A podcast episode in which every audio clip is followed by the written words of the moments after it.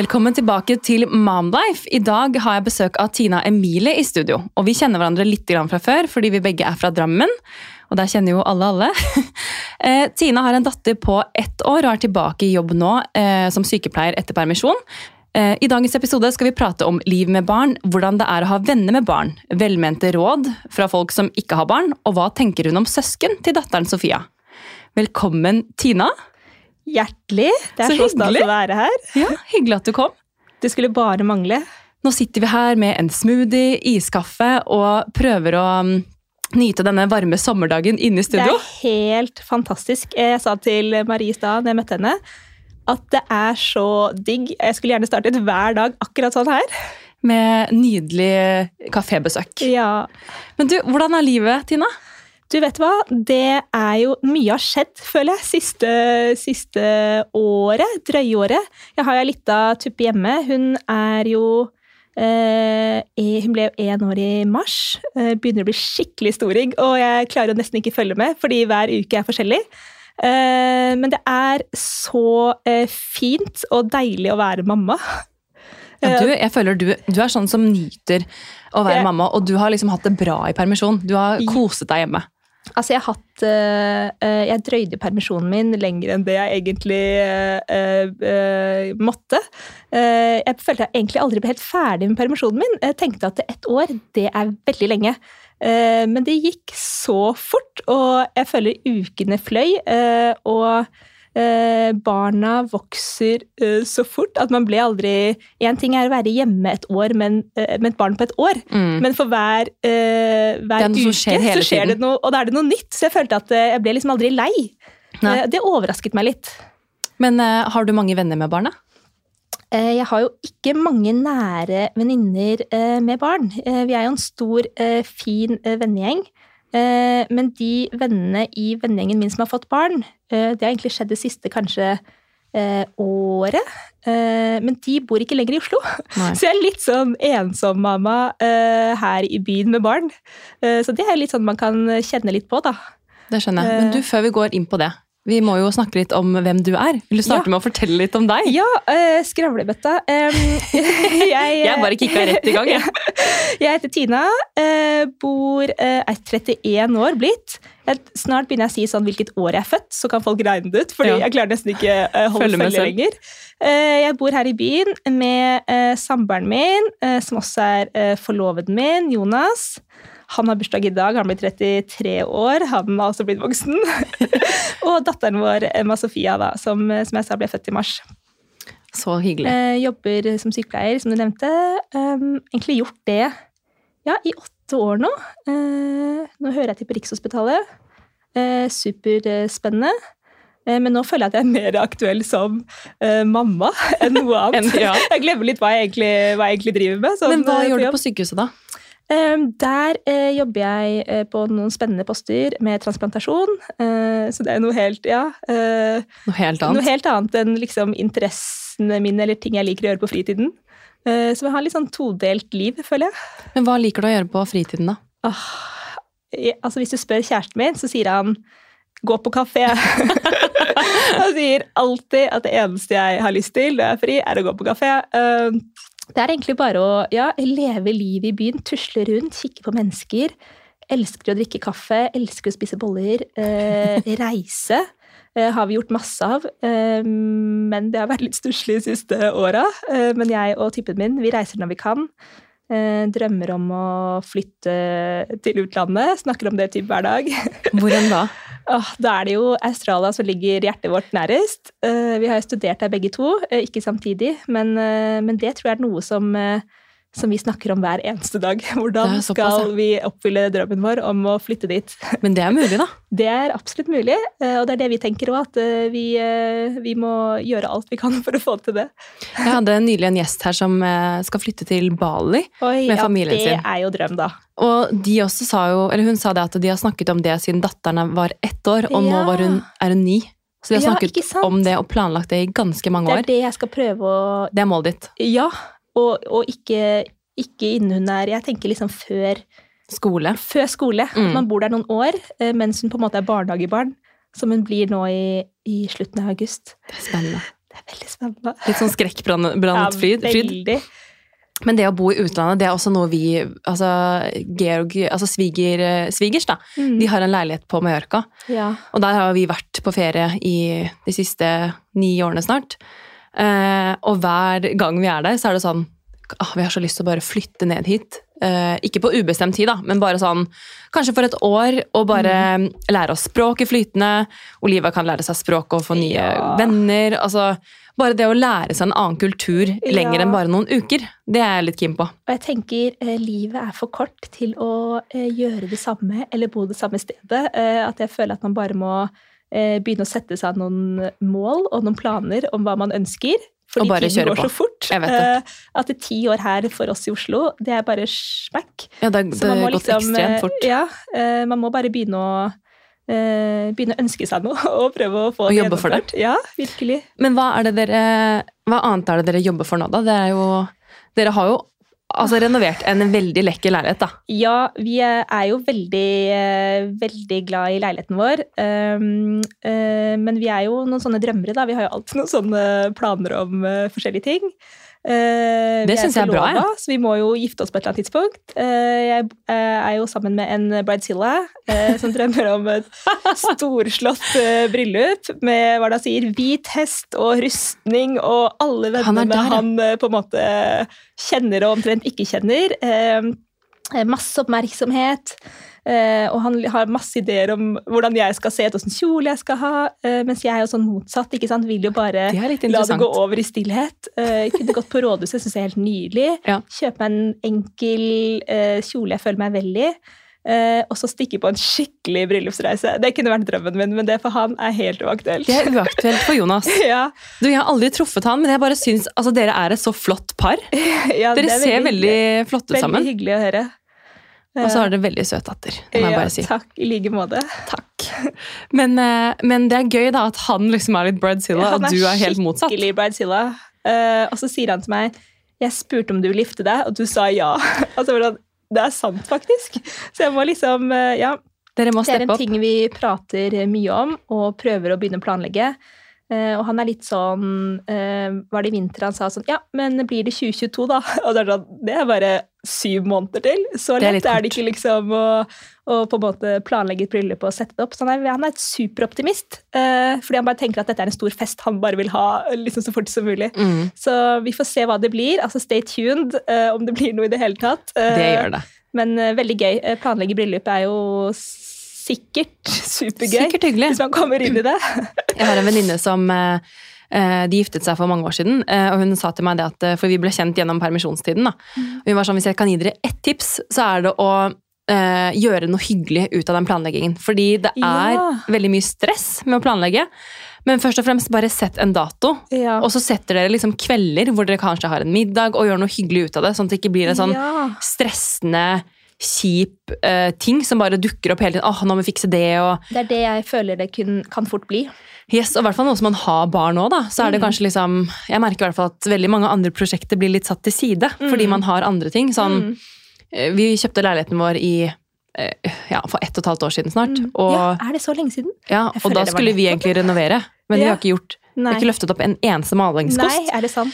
Så ja, jeg husker jeg spurte deg også om Ja. litt sånn tips. Ja. Um, men nei, nok, eh, nok om det. Ja. det. Det får komme senere. I Men, oppussingspodden. Åh, I oppussingspodden, ja. Fy fader. Um, men dere har i hvert fall fått det veldig fint. da. Det ser ut som Takk. dere trives der. Du, det er superhyggelig. Nydelig nabolag. Vi elsker det. Men uh, barnehagestart, da? Hva tenker du om det? Oi, ja. Eh, nå er jo hun Hun er jo en skikkelig storing da, når hun begynner i barnehage. Eh, hun blir jo eh, ett og et halvt år i september, eh, og det er barnehagestart 29. august. Ja. Så hun er jo per definisjon halvannet år når hun starter. Eh, jeg tror eh, det kommer til å bli superbra. Eh, vi har fått plass på en nydelig barnehage med et stort uteområde. Inn i en sånn eh, skog med masse sånne svære trær, så jeg føler det er Så litt sånn eventyrskog. Ja. Eh, og det tror jeg eh, for henne da som vokser opp i byen, og har begrensa med Vi har jo ikke noe hage, vi har en stusslig liten balkong uten noe særlig stas. Eh, For henne å ha en barnehage med koselig uteplass tenker jeg må være noe av det viktigste. Mm. Det kommer til å bli perfekt. Jeg tror hun kommer til å elske det. Hun, hun elsker i hvert fall alle barn og er supersosial. Så jeg tror, eh, jeg tror hun er klar for det eh, etter sommeren. Ja, det tror jeg også. Hun er nok mer klar enn foreldrene. Dere er litt sånn niholde på det. ja, ja.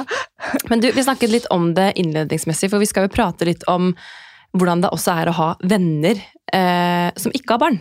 ja. Eh, fordi både du og jeg er jo egentlig i litt sånn vennegjeng eller omgangskrets hvor det ikke er så veldig mange som har barn. Mm. Og da, hvordan det er å da være liksom litt den ene ja. som har barn. Ja. Hvordan syns du det er?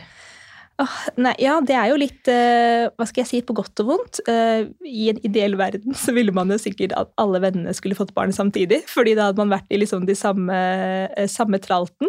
Man blir jo veldig Eller jeg ble jo veldig når jeg ble gravid, og ønsket å bli gravid. Jeg hadde jo tenkt at jeg skulle helst bli en ung mor. Jeg ble jo ikke akkurat eh, Men du, er jo, ung mor. du men, ble eh, jo mor før gjennomsnittsalderen i Oslo, da. og i hvert fall når man ser sånn eh, på vennene mine, så eh, de fleste der har jo ikke engang begynt å tenke på eh, å få barn. Eh, så for de så er jo jeg ganske tidlig ute. Du er litt sånn Eh, stressa på dems vegne, du nå. ja, jeg Kom igjen eh, tenker jo litt sånn eh, Hallo, dere, er dere klar over hvor mange år vi egentlig er? Nei, det er helt fantastisk at de slapper av og nyter livet. Det, man må ta det i sitt eget tempo, tenker jeg er det aller viktigste. Men det er noe man, har- når man har fått barn selv, Ja. og man syns det er det mest fantastiske Det det. som har skjedd, så vil man bare at andre skal oppleve det, Det er samme. akkurat det, men det er ikke så lett å si. Nei, Men jeg litt, tenker også det at det, det, er, litt, eh, det er litt tanken min. At, eh, at eh, det, dere skulle bare visst hva dere går glipp av. Bare vent. Ja, bare, ja. det skal vi også snakke om. ja. Um, men uh, har du liksom hatt kontakt med den gjengen du hadde før du fikk barn, også etter at du har fått barn? ja, eh, vi er jo på en måte i en vennegjeng eh, her i Oslo. Eh, De av vennene mine i den gjengen som har fått barn, de bor jo ikke lenger i Oslo. Eh, For det er jo sånn som jeg føler at eh, ofte når man får barn, så forsvinner man litt fra byen. Ikke vet jeg helt hvorfor. Kanskje fordi man tenker at kan man egentlig bo i byen med barn? Og at man må trenge større plass, trenger bil, du kan parkere rett utenfor huset, du trenger en hage.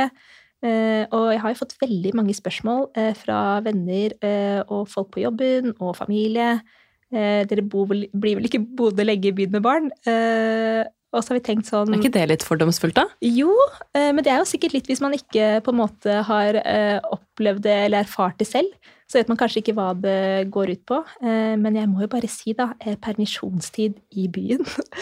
altså, finnes det noe bedre enn det? Eh, å ha alt Det er veldig hyggelig. Altså virkelig ha alt bare noen steinkast eh, utenfor huset sitt. Eh, jeg var jo mye ensom, hadde ikke så mange venner eh, i permisjonstiden min med barn. Eh, og da var jo på en måte Jeg følte meg aldri ensom. Sikkert mye pga. at jeg bodde i byen. Yes. Eh, og trillet rundt i Frognerparken, som er rett eh, ved leiligheten vår. Eh, møtte masse andre mamas med barna sine. Eh, så selv om ikke vi egentlig var sammen, så følte jeg litt at vi eh, Man er liksom en gjeng. Jeg følte jeg, ja, det Mm. følte jeg litt at jeg hilste, møtte de samme menneskene i regnvær og solskinn, og satt i parken og eh, jeg møtte veldig stort sett mange gjenger. Eh, litt sånn trillemafia. eh, med, og da var det sånn, da syntes jeg det var hyggelig å møte de og bare smile litt. Selv om de sikkert tenkte sånn herregud, hun der da. Eh, men, eh, men det gjorde at jeg aldri liksom følte meg ensom eh, i byen eh, i permisjon med barn. Eh, for Jeg det var så mange andre, eh, andre der med barn. Mm. Eh, men eh, nei, det var eh, Jeg hadde jo alltid hun lille, eh, og jeg tror det skal litt til for at jeg føler meg ensom, eh, og jeg var jo aldri alene. Nei, det er nettopp det. Så det, det hjalp nok masse. Men så er det litt kanskje hva man definerer som å være ensom også. Fordi eh, jeg sier ikke at det, det er sånn at alle må finne liksom ekstremt mye selskap i sitt eget barn. Altså, noen kan altså, for noen så er det veldig viktig at man møter andre. At det er å, å ha selskap. Men for meg så var det også på en måte bare være med Olivia. Synes jeg var hyggelig selskap. Altså selvfølgelig Man trenger input fra andre også, det er ikke det. Mm. Men, eh, men eh, jeg syns jo også det var digg å være alene på trilletur, for eksempel, fordi Mm. det var den ene lille pausen jeg fikk i løpet av en dag. At jeg Mm. kunne bare sette på en podkast, gå på en lang trilletur og være litt for meg selv. Mm. Selv om hun var jo der, men hun sov jo. Og da følte jeg at jeg gjorde en god gjerning ved Ja. å liksom la henne få frisk luft og sove Ja, ja. ute. Mens mor fikk eh, lufta hodet Ja. litt. Ja, altså, og man får gått, og man får beveget seg, og nei, det er masse Masse positivt med det. Uh, Ja, veldig. Um, nei, så jeg tror uh, um, jeg tror kanskje flere uh, kjenner seg igjen i det. At det er ikke på en måte gitt at man får barn samtidig som vennene sine. Og da må man liksom embrace det litt. For oss så var det viktigere at vi fikk det barnet vi ønska oss. Og, å være sammen med henne. Mange sier jo sånn du gleder deg sikkert til å komme tilbake i jobb for å ha voksenprat. Så er det mange som sier sånn, at du er sikkert lei av liksom det der baby-tralten. Liksom, At at man blir lei av å være hjemme i permisjon fordi man bare ikke snakker på en måte, ja, sånn voksenprat. Men så tenkte jeg det tenkte jeg aldri på. Uh, at jeg liksom manglet liksom sånn sosial stimuli. Jeg følte at jeg hadde mer enn nok liksom med henne. Ja, Og hvis du liksom trenger input, så ringer du da en venninne ja, eller setter på en podkast eller prater jo med mannen, altså mannen din. Absolutt. Ja. ja, jeg var, ja um, men det er nok litt uh, som man kanskje antar eh, før man får barn, at eh, man blir gal av å bare prate med babyen sin. Ja. Jeg hadde det helt topp, jeg. Ja. ja, det er nydelig. Der samme... tenker jeg man er veldig forskjellig. Ja, absolutt. Mm. Jeg også koste meg veldig. Ja. Men du også hadde jo Jeg føler du holdt på liksom, du har alltid holdt på litt i leiligheten, føler jeg. At leiligheten er litt hobbyen din. Altså, helt riktig. Mm. Det er egentlig morsomt at du sier, men, men jeg, kunne, altså jeg, kan være hjemme en hel dag i leiligheten min, susle rundt, lage meg en deilig kopp kaffe, um, rydde, flytte rundt på ting. Altså, jeg er helt sprø. Må, jeg må linke um, Instagrammen din, så folk kan gå og se ja, hvor fint dere har det. Ja, Få litt innspo.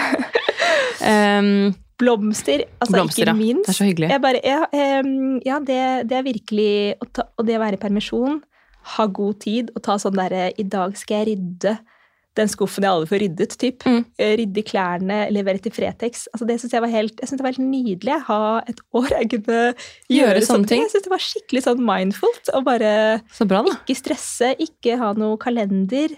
Eh, masse møter Nei, jeg tror jeg må ha, uh, ha hatt en av de roligste permisjonstidene. Nei, men jeg syns det, det, er viktig også å Jeg prater med mange som uh, føler at permisjonstiden bare gikk fordi Og, og jeg selv også la veldig mm. mye planer ja. i permisjonen min. Men jeg hadde jo også dager hvor jeg bare Ok, i dag skal vi bare mm. ha på oss pysj. Ja. Når hun skal sove napp, skal jeg også sove. Ja. og bare liksom ta noen dager helt off, fordi de dagene får man ikke igjen. Nei. Det skal jo sies at jeg fødte jo i mars i fjor.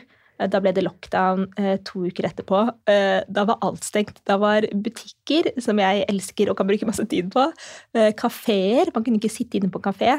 Så det var litt sånn Dette er det man har. Eh, man må gjøre det beste av det. Så jeg tror liksom det å finne litt sånn glede i sitt eget selskap og susle rundt i sitt eget hjem var kanskje liksom min måte å Du hadde ikke noe valg heller, da? du måtte bare finne glede i det? Ja, ja, ja.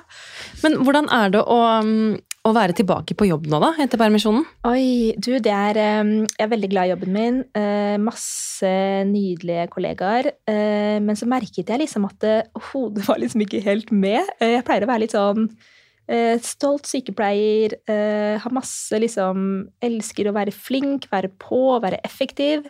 Men så var jeg litt sånn, når jeg kom tilbake etter permisjon, så følte jeg at hodet mitt var litt sånn et annet sted. At jeg klarte ikke lenger å ha liksom fokus på bare det å eh, å være på jobb og være en supersykepleier. Jeg var litt mer sånn åh, nei, nå er jeg snart ferdig, så jeg kan komme hjem til dattera mi. Eh, jeg tror mange kjenner litt på det at, eh, at eh, jeg følte at jeg måtte bruke energien min på henne. Eh, og passe på henne og være hos henne og oppleve henne. Eh, at jobben ble litt sånn Bare et sted du var i mellomtiden? Ja, og det tar jo mye tid å være på jobb. men det kommer seg liksom mer og mer nå fordi hun blir større, mer selvstendig. Eh, hun kan være borte, borte hos eh, svigers og foreldrene mine, og eh, hun er ikke like avhengig av mor lenger. Sluttet å amme. altså De tingene som på en måte gjør at vi er veldig knyttet. da. Og det å være sammen 24-7 i Det var jo ca ca. et år, og så begynne i jobb, eh, og så bare ikke ha den der At ikke du kan amme henne engang. At du går rundt på jobb og liksom har en viktig jobb, og så føler du egentlig bare at det, den viktige jobben min er, er hjemme. hjemme. Ja. Mm. Så, så, det ble veldig sånn naturlig ammeslutt, det å begynne på jobb. For da uh, var jeg jo ikke Jeg jobber jo uh, turnus, så jeg jo, um, jobber jo på dagen og kvelden og natten. så Eh, hun var jo en puppejente veldig lenge, men eh, da Hvordan gjorde du det, da? Nei, Det var jo bare uh, egentlig uh, trappe ned, på en måte. Vende henne av fordi jeg ikke var hjemme. Så uh, til, til, min manns store fortvilelse, tror jeg. Hvordan gikk det, da? Nei, det var jo litt sånn Jeg kom hjem fra kveldsvakt, kanskje klokka var elleve. Eh, Da satt hun med sånne oppsperrede øyne, helt blanke øyne, satt og så på film eller et eller annet TV-program sammen med han. eh, Nektet å legge seg fordi hun måtte vente på puppen før hun kunne sove. Så det følte jeg gikk litt, litt igjen, da. Uh, har masse hår, masse bustete hår, satt der og var supertrøtt, men skulle absolutt ikke legge seg. Skulle vente på mamma.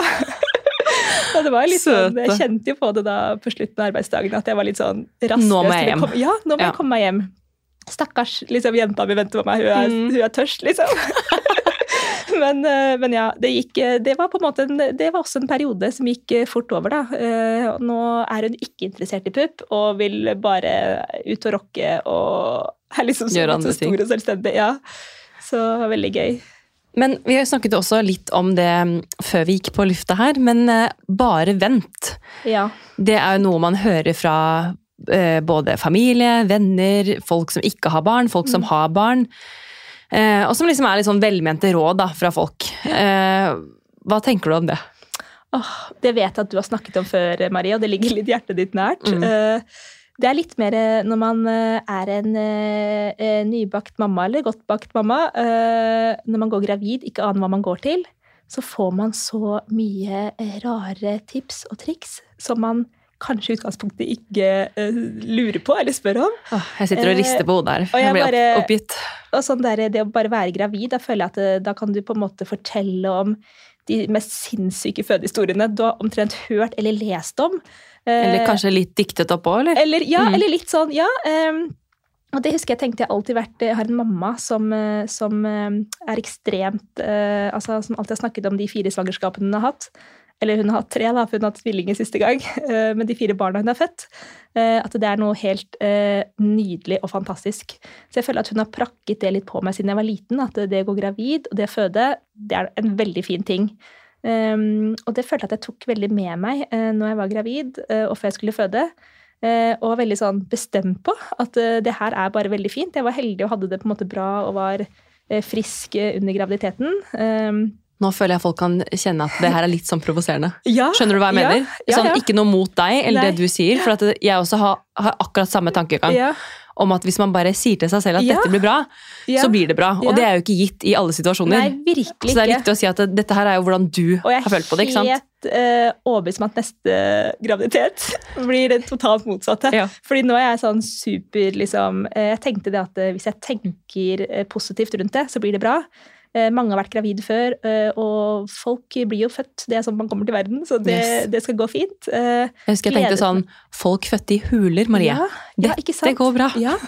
Og jeg um, har jo um, jobbet litt i Tanzania, der eh, altså afrikanske kvinner, når de føder Altså, Da er det bare å glemme da, hva vi driver med her hjemme. For de bare sier jo ikke et kvekk. Føder masse barn. altså sånn, De er jo fødemaskiner. Og etter jeg var der og tok imot noen babyer, så tenkte jeg sånn Dette skal jeg klare. For hvordan, det husker jeg du Jeg fulgte litt med på Instagram da du var Ja. der. Eh, Hva er det du gjorde der? Nei, jeg, eh, det var jo en del av utdannelsen min. Eh, Dette her er jo ti år siden snart. Så det var egentlig bare i praksis. Så jobbet vi en del på sykehus eh, og mye fødeklinikker. da. Og da var det primært fødende som hadde på en måte komplikasjoner i tidligere svangerskap. Eh, Det var jo ikke normal, altså normal gravid eller fødende. Det var risikosvangerskap, eh, for det var kun de som fødte på sykehus. Eh, Men de var, de var virkelig maskiner. Lagde ikke en lyd og ploppa de ungene ut uten noe form for smertestillende. Mens i Norge så er det jo nærmest en sånn sykdom. Man trenger liksom masse smertelindring. og liksom, Det er jo tøft, det er jo supertøft å føde. Det en kraft uten liksom, altså, som man kan sammenligne med noe annet. Men, men jeg vet ikke om den opplevelsen gjorde at jeg så litt sånn enklere på det. At det ble litt mer det- naturlig, Ja, kanskje? Vet ja. ikke. Og at jeg husker jeg spurte der nede sånn Hva får, hva får de av smertestillende? Smertestillende? De skal jo bare føde. Og jeg bare sånn Ikke Paracet engang! Altså, come on! Men nei, der er de liksom helt eh, Ja, eh, der er de maskiner. Eh, så jeg tror kanskje hele den liksom bakgrunnen min nå gjorde at jeg tenkte mye positivt det å gå inn i fødsel. og hadde en kjempefin opplevelse. Eh, men, eh, men jeg kunne spart meg litt for de historiene jeg hørte på forhånd. Um, og det husker jeg jo at jeg liksom lukket det litt ute. Jeg var ikke så interessert i å egentlig lytte til det. Eh, og det tror jeg kanskje kan være litt lurt. At man ikke At man på en måte prøver å lukke ørene litt når folk skal komme med åh, du skal høre om svigerinna mi, hun hadde en for lang fødsel. At man liksom prøver å på en måte Det er greit, men nå sitter jeg faktisk her, ganske høygravid. øh, den historien trenger jeg kanskje ikke akkurat nå. Men jeg gjorde det. 100 Ja, Jeg tok alt til meg, ja, ja. men jeg hadde på et slags filter at jeg liksom bare Ok, jeg hører hva du sier, men det bare fader bort, fordi at jeg fokuserer på min historie, liksom, eller min fødsel, da, og Ja. min uh, mage her som holder på å eksplodere. ja. Men uh, altså, det er litt interessant at du sier. Men uh, mange gra gravide er jo liksom svamper, ikke sant? De skal jo ta til seg alle tips og råd og, eh, og liksom hvordan kan jeg unngå det og eh, Så jeg tror liksom man er skjøre når man er gravide. Ja, man så er man skal liksom passe litt på de eh, eh, og ehm, eh, tenke litt over hva man sier. Eh, ikke bare spy ut med fødselshistoriene sine. Da kan du heller si det til folk som ikke er gravide. Eller ikke Ja, eller fortelle hvis de Eller faktisk spør, fortelle da. en hyggelig historie, eller? Ja. Så jeg sier det nå, at eh, For hvordan var din fødsel, da? nei, Hvis du vil dra den i korte trekk her. ja. Um, det er egentlig et veldig, um, en veldig eh, kort, eh, eh, kort historie. Eh, startet hjemme på kvelden, begynte å kjenne litt sånn murringer i, i ryggen. Uh, sa til kjæresten min det er på tide at jeg også får noe på en måte plager her. Eh, så gikk vi og la oss, og så begynte jeg å kjenne sånn, åh, jeg fikk liksom ikke helt roen eh, når jeg skulle legge meg. Holdt på sånn noen timer. Og det var Eh, rundt termin? Det var tre dager før. Eh, eller natten før, liksom. Og så styra litt rundt i leiligheten i tre timer og liksom, liksom Mm. Flytta meg litt rundt og ble liksom, ble, var veldig rastløs. Og bare liksom, ja, hva er det her jeg egentlig kjenner på? Er det innbilt, eller hva skjer med kroppen min? Eh, og så ringte jeg til Ullevål, der jeg skulle føde. Eh, og visste at det var ikke lett å komme inn på fødemottaket. Altså, de som har født på Ullevål, de kjenner kanskje til at det, det er jo en kamp i seg selv å få innpass der. Um, og som helsepersonell selv. eh, og jeg har fått masse oppfordringer fra fastlegen min om at du må være litt sånn på. Så tenkte jeg det går fint for meg. Det, jeg eh, ned døra ja, liksom, jeg er jo ikke en mus når det kommer til det der. Jeg vet liksom, Der føler jeg at liksom, der har jeg på en måte litt, litt jeg skulle, skulle ha sagt. da. Um, men da ble jeg liksom litt sånn Ja, jeg ringte de og var liksom ydmyk førstegangsfødende. og bare, Å ja, førstegangsfødende. Ta deg en dusj, lag litt mat, gå og legg deg. Jeg bare sånn Lag litt mat? Jeg bare Jeg spiser nå, jeg er jo kjempekvalm, liksom. Um, så sa de ring tilbake hvis ikke det blir bedre. Og så holdt jeg på eh, en time til. Og da begynte jeg å kaste opp, og da var jeg skikkelig sånn lurven. Hadde prøvd å ta en Paracet eh, og kastet opp den med en gang. Eh, Den hadde jo ingen effekt. Og så sa jeg sånn Jeg lurer på om dere må ta meg inn nå på en sjekk. Og så var de litt sånn Ja, du får ta deg en tur Nå høres jeg veldig sånn der eh, som dømmer de, da, men det her er min opplevelse. De er superbusy. Har masse Altså, jeg tror de får inn mange hundre fødende hver dag, Så jeg har veldig respekt for at de må prøve å filtre ut de de kan. Eh, Absolutt. Og førstegangsfødende er jo en liten sånn uh, Du vet jo ikke om du liksom er veldig uh, Hva skal jeg si? Nei. Ringer for de minste ting, Nei, eller om du faktisk det. har Sånn som jeg ventet jo sånn- lenge Det er med å ringe. det. Det skulle kommet opp en liten sånn varsko, liksom. Ja, Hun har vært 500 ganger uh, tatt kontakt, det har ikke vært Eller sånn. ja. Ja, i hvert fall så sa de sånn Ja, du kan gjerne komme få litt smertestillende og reise hjem igjen. Flott. Da vekket jeg mannen min, han skulle egentlig på jobb, eh, og sa sånn eh, Fødeavdelingen, nei, akuttmottaket sa vi måtte komme. Og han bare å herregud, føder de bare nei, nei, nei, de bare ville at jeg skulle komme en tur. Eh, og så dro vi dit, og så sa de sånn ja, du er i aktiv fødsel, du har fire centimeter åpning.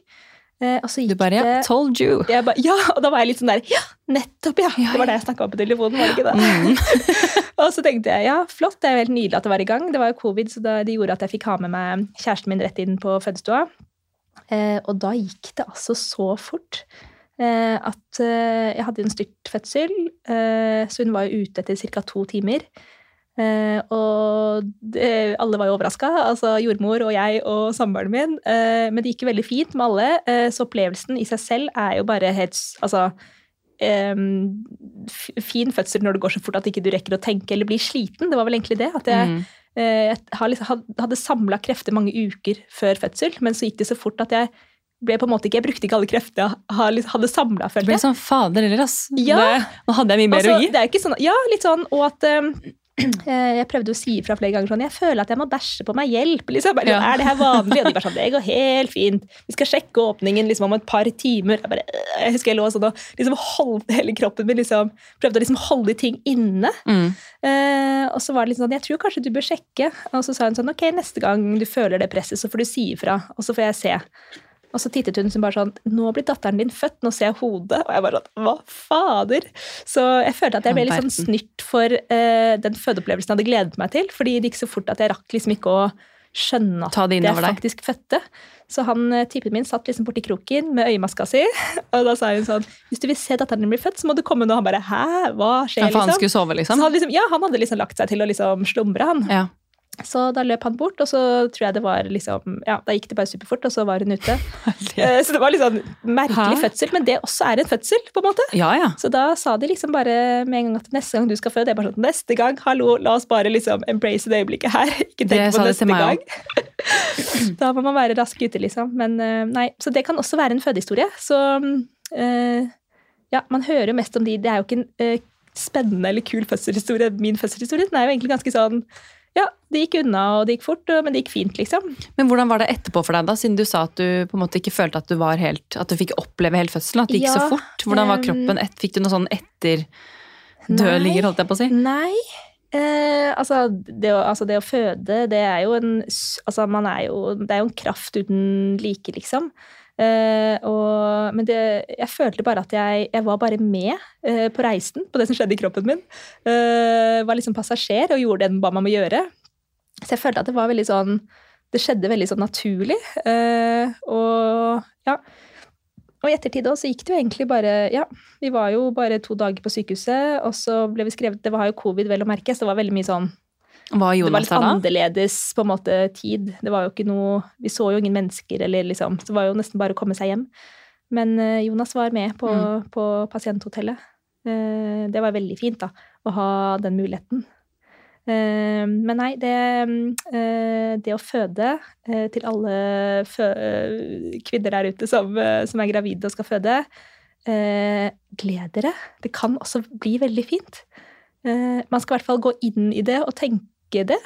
Eh, og så får man se hva som skjer. Man må bare bli med på reisen. Og du, Vi snakket jo litt om det i stad også, dette med velmente råd fra venner som ikke har barn. Eh, for det nevnte du litt da vi gikk inn her. Ja. Eh, og du har jo ikke så veldig mange venner med barn, eh, og da er jeg veldig spent på å høre hva du legger i det her. Nei, det er jo litt sånn um tanker, eh, eh, tanker fra venner om hvordan ting eh, bør gjøres. Eh, som man eh, på en måte eh, eh, får litt råd om eh, underveis. Um, for eksempel eh, hvordan du kan eh, f, um, Hvordan man kan legge opp slik at ungen sover raskt på sitt eget rom. Hvordan man kan tips og triks til å få ungen til å ta flaske fort, så man slipper å amme, eller være, sånn at man kan dra, liksom være fri og gjøre andre ting. Um, jeg har liksom fått noen sånne, noen sånne råd opp igjennom som jeg bare følt ikke helt passer til uh, meg og mitt barn og min familie. Uh, at uh, at um, jeg tenkte liksom litt annerledes. Jeg syns jo det å være med henne og amme henne og Jeg fant liksom veldig ro i å bare være der. Og, og hadde ikke så hast med å komme liksom tilbake igjen til kroppen min eller vennene mine eller liksom Dra livet ut, liksom, før. nei. Jeg følte at eh, det hadde jeg jo på en måte drevet med i 15 år, eh, liksom. Eh, at eh, nå var jeg jo klar for å få barn og være litt i den eh, bobla, da, eller den greia. Eh, og prøvde å liksom nyte det litt. Eh, senke litt forventningene og bare nyte det litt. Og lytte til, eh, til meg selv og henne, egentlig. Og det er veldig fint at du sier, for jeg føler det er veldig mye snakk og fokus om og på at liksom Nå er barnet ute. Nei, nå skal jeg tilbake på jobb. Nei, nå skal jeg dit, nå, nå skal jeg datt. Og det er jo alt ettersom hva man føler selv, og hva dine drømmer og, og dine ønsker er. Men jeg tenker også det er viktig å liksom Ok, nå har du den tiden her. Eh, ta vare på den. Den Mm. kommer ikke tilbake. Du sitter der med nyfødt, eh, et nyfødt barn i armene, liksom. Og det er sånn, ja, det er drittøft og slitsomt, og det er tårer, og det er utfordringer, og alle har det ulikt, liksom. Men du får ikke tilbake den tiden. Så jeg tror at hvis man bare klarer å være litt til stede, så vil man i hvert fall sette pris på det. Kanskje ikke der og da, men kanskje etterpå. Fordi hvis man bare tenker at man skal kjøre på videre, så tror jeg kanskje man vil angre litt. Det er jo det alle sier når man møter noen gamle mennesker eller noen andre som har levd litt ute på gata. Det føler jeg går litt igjen. Så blir vi stoppet liksom titt og ofte når vi har hun lille nå som på en måte akkurat har lært seg å gå. De er veldig søte enåringer som går. altså Mm. Og da sier de sånn 'nyt denne tiden'. Og så er det sånn, man hører det så ofte, men så må man på en måte liksom Er det virkelig det jeg gjør? Mm. Nyter jeg nok, liksom? Eh, Det tror jeg liksom eh, eh, Det er en grunn for at, at man hører det ofte, og man må virkelig, virkelig prøve på det. Fordi jeg tror det er kjempeviktig. Eh, ikke på en måte Det kan være tøffe tak og perioder eh, barnet ikke sover eller ikke vil spise eller eh, ikke er tilfreds, men, eh, men så går det plutselig over òg, og så har du nesten glemt det litt. Så Ja, man liksom, glemmer veldig fort. prøve å være litt i det uh, her og nå. Uh, tror jeg liksom Det sier alle vennene mine, da, at jeg var veldig god til i permisjonstiden. Ref at jeg var mye hjemme og satt i pysjen og gikk turer og hadde lite liksom, planer. Men, men det gjør jo at jeg fikk på en måte utnyttet tiden godt med henne, da, eller blitt kjent med henne. eh, uten så mye sånn støy utenfra. Eh, Og det tror jeg er bra med disse covid-barna også. At, ja, man det er noe positivt med det. ja, at man får litt den derre Det er ingen kafeer som er åpne. Det er ingen, ikke noen butikker du kan dra på. Det på. er ikke noe fest du går glipp av. Nei, det er ikke noe fest heller, så da må du være hjemme. Alkohol og drinker, det, de stikker ikke av. Nei. De venter på meg om et år også. Det er nettopp det. Eh, Men hva, hvordan stiller du deg til eh, hvis venner eh, kommer med sånne velmente råd, da? Eller Ja. sier liksom ja, men det er jo bare å gjøre sånn. Er det ikke dette har jeg lest, eller dette har jeg hørt. Kan du ikke bare gjøre sånn, da?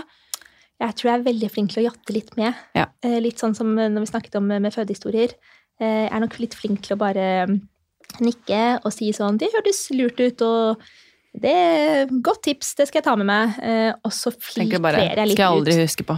Ja, litt sånn derre ah, Samme hva du sier, det må du gjerne liksom Du må gjerne prøve det, du. Ja, det, ja, det er liksom eh, Hvis det er liksom eh, eh, konkurranse i hvordan komme fortest tilbake på fest etter du har født, så tenker jeg at da går du for den prisen. Den er ikke jeg interessert i. Eh, Så jeg tror jeg, liksom, jeg, tror jeg jatter litt med. eh, Og jeg tar liksom ikke den der Eller jeg, liksom, jeg har ikke noe behov for å være hun heller som sier sånn ja, men det veit ikke du noe om, fordi du har ikke barn. Eh, Fordi man er så forskjellig som mødre. At jeg er sikker på at det er mange mødre som lytter, som, som kjenner seg igjen på begge sider på et vis. De, man mener jo bare vel eh, med å komme med råd, men det er jo kanskje fordi de tenker selv at det hadde de trengt. Men, eh, men hva vet jeg egentlig om hva jeg trenger, på en måte? Så- Veldig godt sagt. Jeg følte meg litt sånn eh, truffet av det du sa nå med å Det er jo ikke noe mål i seg selv å på en måte være tilbake på fest eh, to, to uker etter fødsel, f.eks. Men det var jo jeg. Ja, ja, var det det? Eh, jeg hadde en god venninne som feiret bursdag. eh, Og i og med at jeg er en av de første i gjengen med barn, så var det veldig sånn Jeg hadde ikke noe altså Målet mitt uh, i seg selv etter fødsel var ikke sånn Nå skal jeg på fest. Det var liksom det siste jeg tenkte på. Mm. Men det som var viktig for meg, var at um, jeg visste egentlig veldig tidlig at jeg kommer til å bli veldig veldig knyttet til det barnet her. Ja. Og at jeg kommer til å være Jeg tror også det handler litt om min uh, oppvekst og min historie også. At jeg ikke har vokst opp med mine biologiske foreldre. Mm. Og at det gjør noe med meg at jeg Men da skal jeg i hvert fall være der for henne. Da skal jeg i hvert fall liksom eh, på en måte være en perfekt i gåstegn mor som på en måte alltid stiller opp og Ja. kanskje føler at jeg må gjøre ting litt ekstra. da, Fordi Mm. at jeg ikke Altså, Jeg har hatt en fin oppvekst med mine besteforeldre, det er ikke det jeg sier, men du skjønner litt hva jeg Mm, mener. at det. Den der A4-oppveksten, den fikk jeg aldri helt. Um, uh, så jeg visste at jeg kom til å bli knyttet til henne. Uh, men det jeg også visste, var at hvis ikke jeg kommer meg ut, Ja. så kommer jeg til å få et problem Ja, det er det. Ja. om et eh, tidspunkt her. Ja. Så jeg var veldig sånn at eh, i og med at hun tok jo Vi prøvde å gi henne en flaske egentlig veldig tidlig. Egentlig bare fra en uke. Fordi Mm. At jeg hadde så mye melk. Yeah. Og istedenfor å bare pumpe den, så bare prøvde jeg noen ganger å gi med flaske. Og så bare ble det sånn at hun eh, Jeg kunne gå ut en time, for eksempel, da, og så hadde Mm. Georg melk. Um, eh, og da var jeg liksom rett og slett sånn at jeg ville utfordre meg selv da, til å gjøre det. Og det var sånn, Hodet mitt var jo bare hjemme Mm. oppi det babynestet. ja. Hvordan Ja, ja. puster hun, hvordan ser hun ut, hvordan sover hun? altså Omtrent liksom, hvordan ser bleia ut, liksom. Altså, Ja. Du er jo helt obsesst med det barnet. Ja. Eh, men det var bare så viktig for meg å liksom møte opp der, være der noen timer, Ja. dra hjem. Og jeg vet egentlig ikke hvorfor jeg syns det var så viktig, men kanskje jeg syns det var litt kult også, da. Å være den, en av de første mødrene Absolutt. som Oi, shit, fødte ikke du for et kvarter siden? ja. At jeg syns det var en slags sånn Ja. cred til meg selv. Ja. Selv om det egentlig ikke er altså, kanskje fordi du tenkte at, eh, at du ble veldig knyttet, og at uh, både barnet og mor har jo godt av at man klarer å liksom leve litt eller være litt seg selv sånn man var før man fikk barn. At man, man endrer seg jo Altså, man bytter jo ikke personlighet idet man får barn, eller det. ting man på en måte likte å gjøre før. Uh, men nei, så jeg tror, jeg tror mange kjenner seg igjen i det du sier. At eh, man, eh, det er litt eh, gøy eller kult eller prestisje å komme liksom Ja, eller så kanskje det var litt sånn for, for min egen eller Ja, vet litt ikke. sånn eh, overfor meg selv, og at liksom Ja. sånn Fadder, du Ja. fikk på deg den sommerkjolen. Ja, Eh, Du har tatt på deg litt sminke, og du er på vei til bursdag. Bra, Marie. ja, Eh, dra hjem om en halvtime hvis du vil, men bare dra en liten tur. ja. Eh, og det ble jo en liten tur, men, eh, men jeg følte liksom at hadde, altså hadde ikke jeg dratt de Mm. første gangene jeg ble invitert bort, så tror jeg på en måte at det hadde blitt vanskeligere for meg. ja. Og du følte deg sikkert litt eh, mer som deg selv.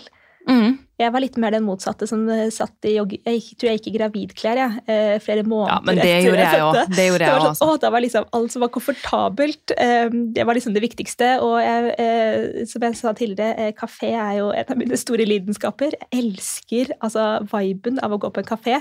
Lyden og folka og lukten og Så jeg, liksom, jeg, var, jeg var liksom i kanelbollebobla. Eh, Det, du, det var jeg så, òg. så er man liksom fort ut av det igjen. sånn at jeg, liksom, jeg, tenker nå at eh, nå er jeg klar for flere fest jeg. Liksom. Ja, eller sånn. Eh, men nei, eh, det er, det er gøy å høre hvordan man tenker forskjellig, da. Men det, jeg tenkte jo også litt på det, fordi eh, i covid så er man jo ikke med så veldig mange av vennene sine. Fordi man måtte liksom begrense det, og så fikk, fikk vi Olivia, og så var jeg litt sånn Jeg vil jo ta vare på vennskap også.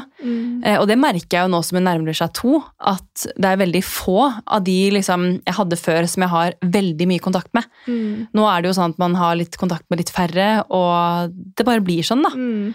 Um, så jeg tenker liksom, eh, sånn som dere da, som er veldig sosiale og var mye ute og reiste før, altså hvordan er livet nå med barn versus ikke barn? Ja, det er jo litt, eh, litt med innstillingen. Vi er jo fortsatt drømmere, og vi elsket jo å reise på eh, backpackerturer og eh, på en måte besøke litt sånn spennende reisedestinasjoner. Eh, og så fikk vi barn i fjor, og nå har vi vært tre uker på Granca. Eh, så vi har liksom på en måte Men vi syns jo alt er eventyr, da. Å reise på Gran Canaria er helt topp med barn. Enkelt, sol, god mat. Altså sånn. Eh, eh, men vi, vi er liksom av de som Vi møtte mange mennesker på tur som bare tok med seg ungene sine og flyttet til om det var Kina eller noen afrikanske land, som gjorde sånne supereventyr. Og det tror jeg liksom har gjort at vi tenker sånn Det er jo ikke umulig. Man kan jo ha med seg henne, hun syns jo sikkert det er topp. Så vi, eh, vi har jo tenkt det at eh, det blir jo ikke det samme. Eh, Men det er ikke noe på en måte Trenger ikke å sette noen begrensninger. Nei, det er ikke slutt å dra på kule reiser. Vi har fortsatt bare, liksom, ikke bare, men spennende reisemål som vi, som vi på en måte har i tankene. Jeg føler jeg har mye mye med innstilling å gjøre. altså. Ja. Folk er sånn Oi, du må huske å reise nå før du får barn. da. ja. Og skal oppleve hele livet sitt før barn. Du er ikke ferdig med å reise selv om man har fått barn. Nei, livet har jo så vidt begynt. Men om det blir mer slitsomt, sånn type sitte på fly, pakke, altså sånn jetlag, uten tvil. Men, men så er det jo sjelden man kommer hjem fra en tur med barn. Eh, vil sikkert folk med barn eh, vite at man angrer jo ikke på den turen man gjorde. Det var litt mer slitsomt, men det var fortsatt en kul opplevelse, og man fikk liksom nyte i og gjort litt annet. Har du sett den derre eh, Det er sånn eh, video som eh, går på TikTok og altså sånn Det derre Kanskje ikke De husker kanskje ikke dette her, men jeg gjør det. Jeg vet det! Og den, den treffer meg så Ja. hver gang. Virkelig. Og så tror jeg at ikke de husker det. Sånn her, det her er liksom tanker om min barndom òg. At ikke nødvendigvis jeg husker alt, men at du husker hvordan det fikk, til å føle, hvordan det fikk deg til å føle. Mm. At du liksom, at det var Det spennende. glede seg ja, til å skulle og liksom fly. noen nytt opplevelser. Og barna eh, kjenner på de følelsene vi har. Så om ikke de nødvendigvis husker at de var på et liksom spennende reisemål, så husker de jo litt sånn eh, hva det fikk dem til å føle seg, liksom. Mm. Det er jeg helt overbevist om. Men du, Tina. Eh, dere bor jo midt i byen, akkurat som oss. Og jeg føler liksom det jeg tenker mye på om dagen, er sånn Skal vi bo i byen for alltid? Skal vi flytte ut av byen? Hvor skal vi hen? Eh, hvor skal vi liksom slå oss til ro? Altså, Tenker dere noen gang på det? Altså, vi, eh, Det er jo et hot eh, topic hjemme hos oss. Um, Jeg og kjæresten min vi er jo fra to forskjellige byer. Han er fra Skien, jeg er fra Drammen. Så vi har jo på en måte familie, ingen familie i Oslo, men familien vår i to andre byer. Eh, Og vi blir jo spurt ofte om eh, når flytter dere ut av byen. Dere kan jo ikke bo i byen med barn. Eh, Og vi har tenkt sånn her og nå er vi så happy med det. Eh, Og som jeg sa tidligere, det å ha permisjonstiden sin i byen det er jo helt fantastisk. Eh, og jeg tenker jo at Og man neste bruker gang Litt eh, mye penger også. Det er jo dyrt. Det Eh, er men så, så bruker man jo mindre penger på andre på en måte, ting. eller sånn. Um, men, eh, men jeg syns jo det var eh, en helt nydelig tid, og tenker at jeg, jeg, jeg vil gjøre alt for å få en sånn permisjonstid igjen. Eh, men, eh, men så er det det at man tenker litt sånn um, hva barnet eh, ønsker eller har eh, godt av.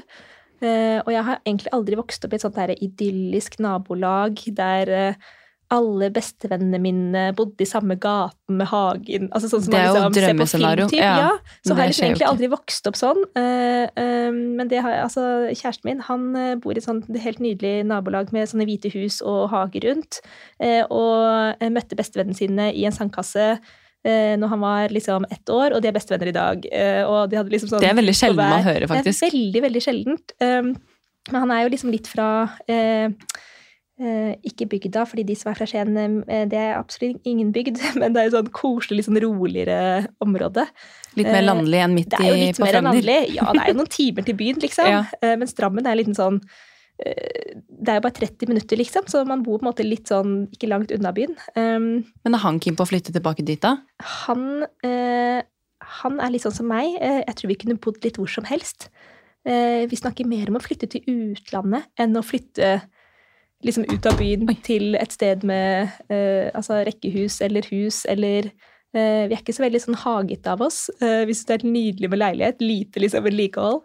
Eh, og at eh, jo mindre, nesten jo bedre, fordi man eh, får mindre ting. Har ikke plass til så mye. Og det synes jeg er sånn tilfredsstillende følelse. Hver gang jeg tar med noe inn i leiligheten, så må på en måte noe vike. Fordi vi bor liksom på den størrelsen vi bor, og man har ikke plass til masse ræl, liksom. Vet du hva? Det der tenker jeg så ofte på, og det er sånn nesten daglig at Ja.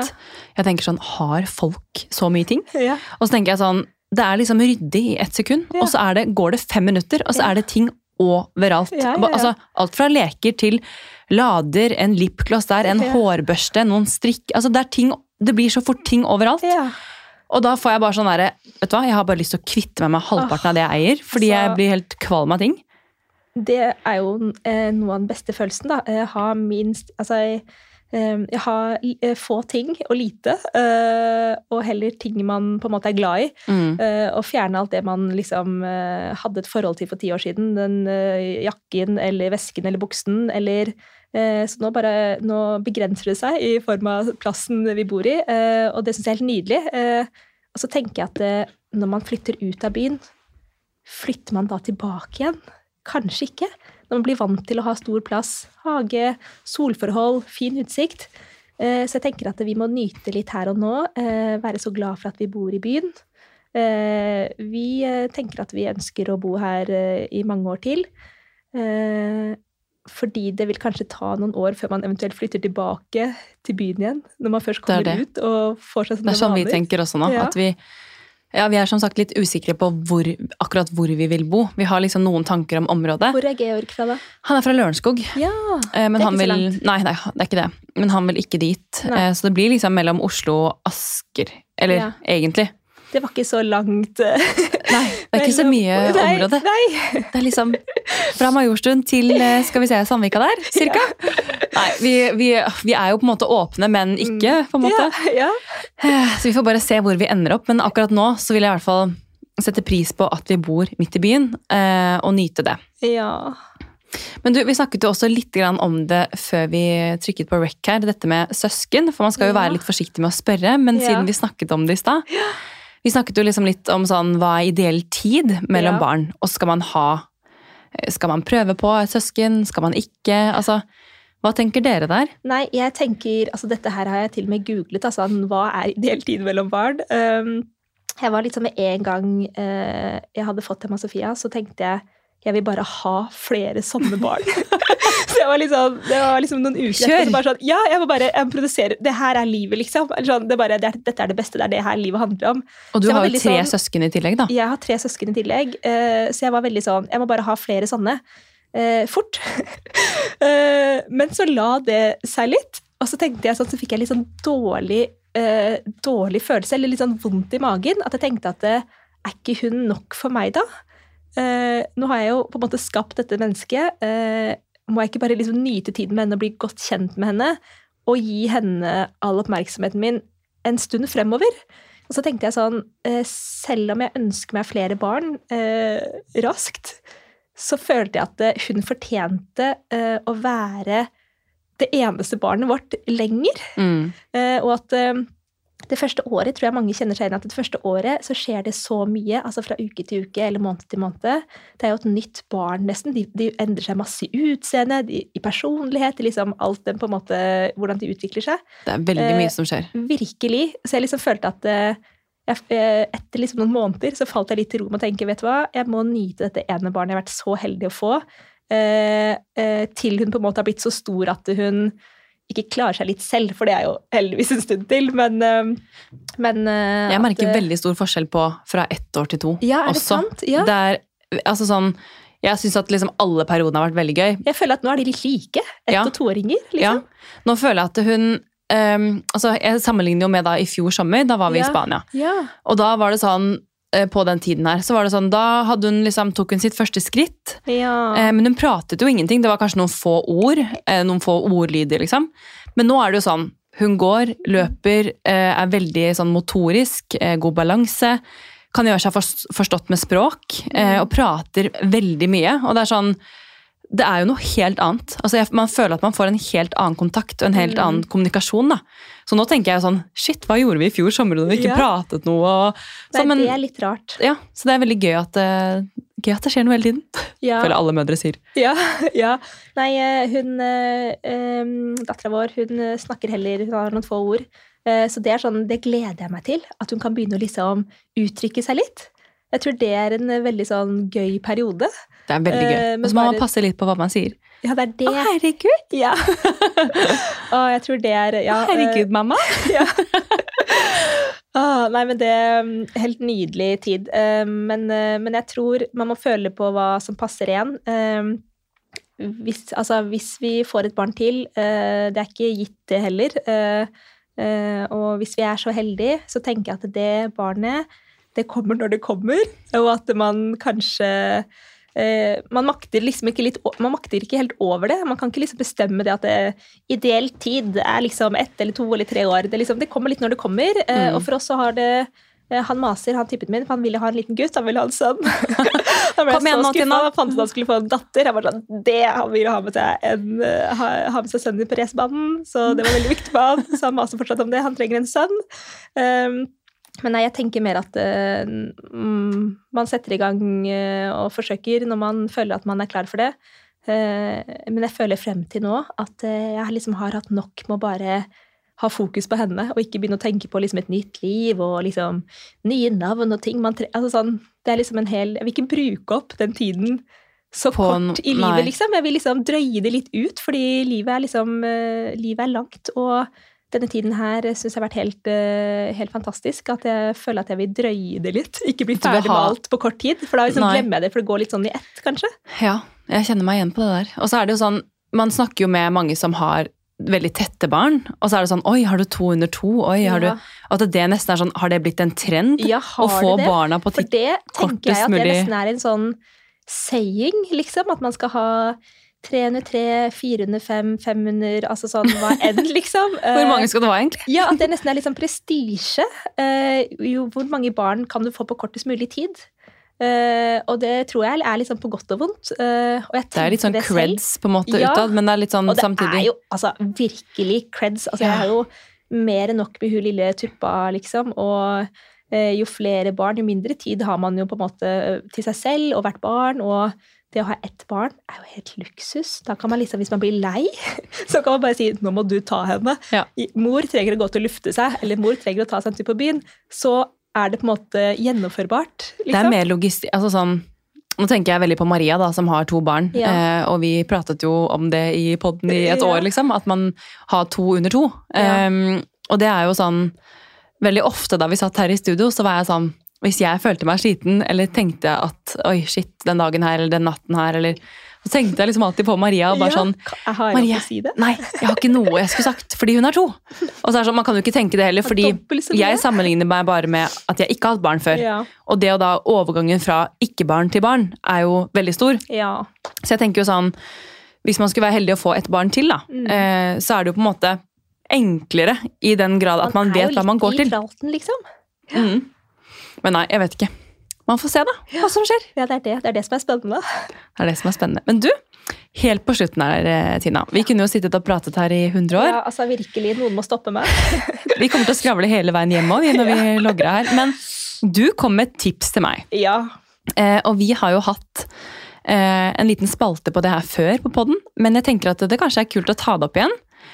Eh, og det er hot mama-tips. Ja, altså det, det sa jeg med en stor ydmykhet her da, til deg, Marie. At eh, dette er bare liksom uh, fordi det er noe jeg savner selv. Jeg elsker el- tips selv. Altså sånn virkelig, og sånn uh, mammatips. Da mener jeg sånn Det kan være alt fra liksom Hva er liksom topp tre sånn necessaries? Hva er det du har med deg i vesken? Har du noen liksom Vi nevnte jo noen om det er noe eh, Et produkt oppskrifter, eller ja, et- altså et eller annet. Um, og da hadde jeg liksom eh, Og jeg klarte ikke å gi meg egentlig med, med, med ett tips, for jeg klarte egentlig helt å rangere de. Men da vil jeg eh, gjerne ha flere. Men det kan, det kan være, eh, som jeg tenkte på eh, etter jeg har fått barn eh, Det der er å vente med altså innkjøp før man får baby. Man er jo helt Jeg elsker å kjøpe ting. Og gikk rett i den fella at eh, alt jeg hørte at jeg trengte, om det var brystpumpe eller hva enn, så skulle jeg ha alt. Jeg skulle ha alt klart. Eh, og så bor jeg midt i byen og har jo masse butikker i nærheten. Jeg hadde jo ikke egentlig trengt å kjøpe noen ting. Jeg hadde bare trengt å kjøpe en body, eh, en pysj, og så hadde jeg sikkert hatt det jeg trengte. Men, eh, men eh, jeg skulle ønske at jeg ventet litt, for å se hva jeg likte, og hva, hva jeg faktisk trengte til babyen. eh, Og at jeg kunne droppe de tingene jeg aldri fikk bruk for. Eh, Men det går litt over i tips nummer to. Eh, Tenk eh, gjenbruk. Bruk eh, Finn, Tice. Altså sånn, jeg solgte så mange fine, ubrukte ting videre til andre, og, og møtte mange hyggelige gravide eller andre småbarnsmødre eh, som fikk glede av tingene mine. Og tingene jeg kjøpte som var brukt, har jeg vært så glad i. Eh, bare hvis det er noen farger som har utgått som du vil ha, finn det heller brukt. Eh, eh, ja, det er liksom eh, babytipsene mine. Som jeg på en måte følte at jeg skulle ønske jeg visste før jeg ble mamma. Eh, og så ikke minst, eh, for å føle meg freshere eh, Jeg kan ikke leve uten eh, beauty mist, altså ansiktsspray med fukt og glød. Altså sånn det Jeg våkner opp om morgenen uten sminke, tar det på, eh, har det med i veska eh, når jeg kommer hjem fra kvelds. Altså hva enn. Hva bruker du? Jeg har prøvd alt.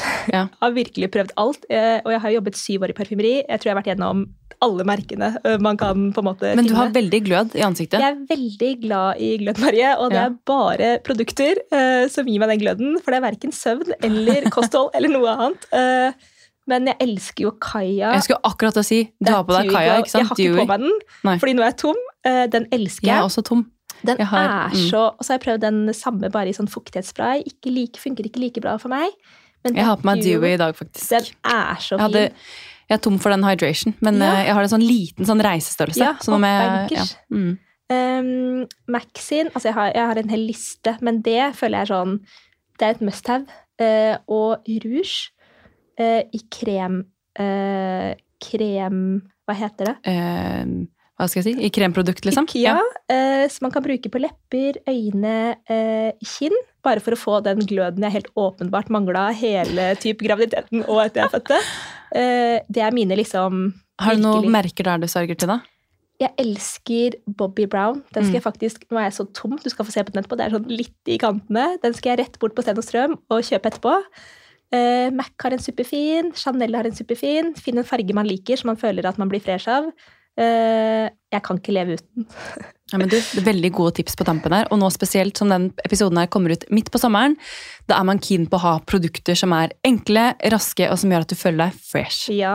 God sommer, da, dere. God sommer. Du, tusen takk for at du kom, Tina. Det var Du, så hyggelig å prate med Jeg deg. har storkost meg. Du får komme tilbake igjen. Ja, gjerne. Men du, Hvis folk vil komme i kontakt med deg, hvor finner de deg da? Ja, det må jo være Instagram. Tina Emilie Domino heter jeg på Instagram. Eh, det er vel egentlig der Jeg bruker mye tid der, tror jeg. Ja. Så, så der er jeg lett å nås. Det er veldig hyggelig. Da regner jeg med at eh, følgerne sjekker deg ut der. Ja, hyggelig. Tusen takk for at du kom, og god sommer. God sommer. Ha det!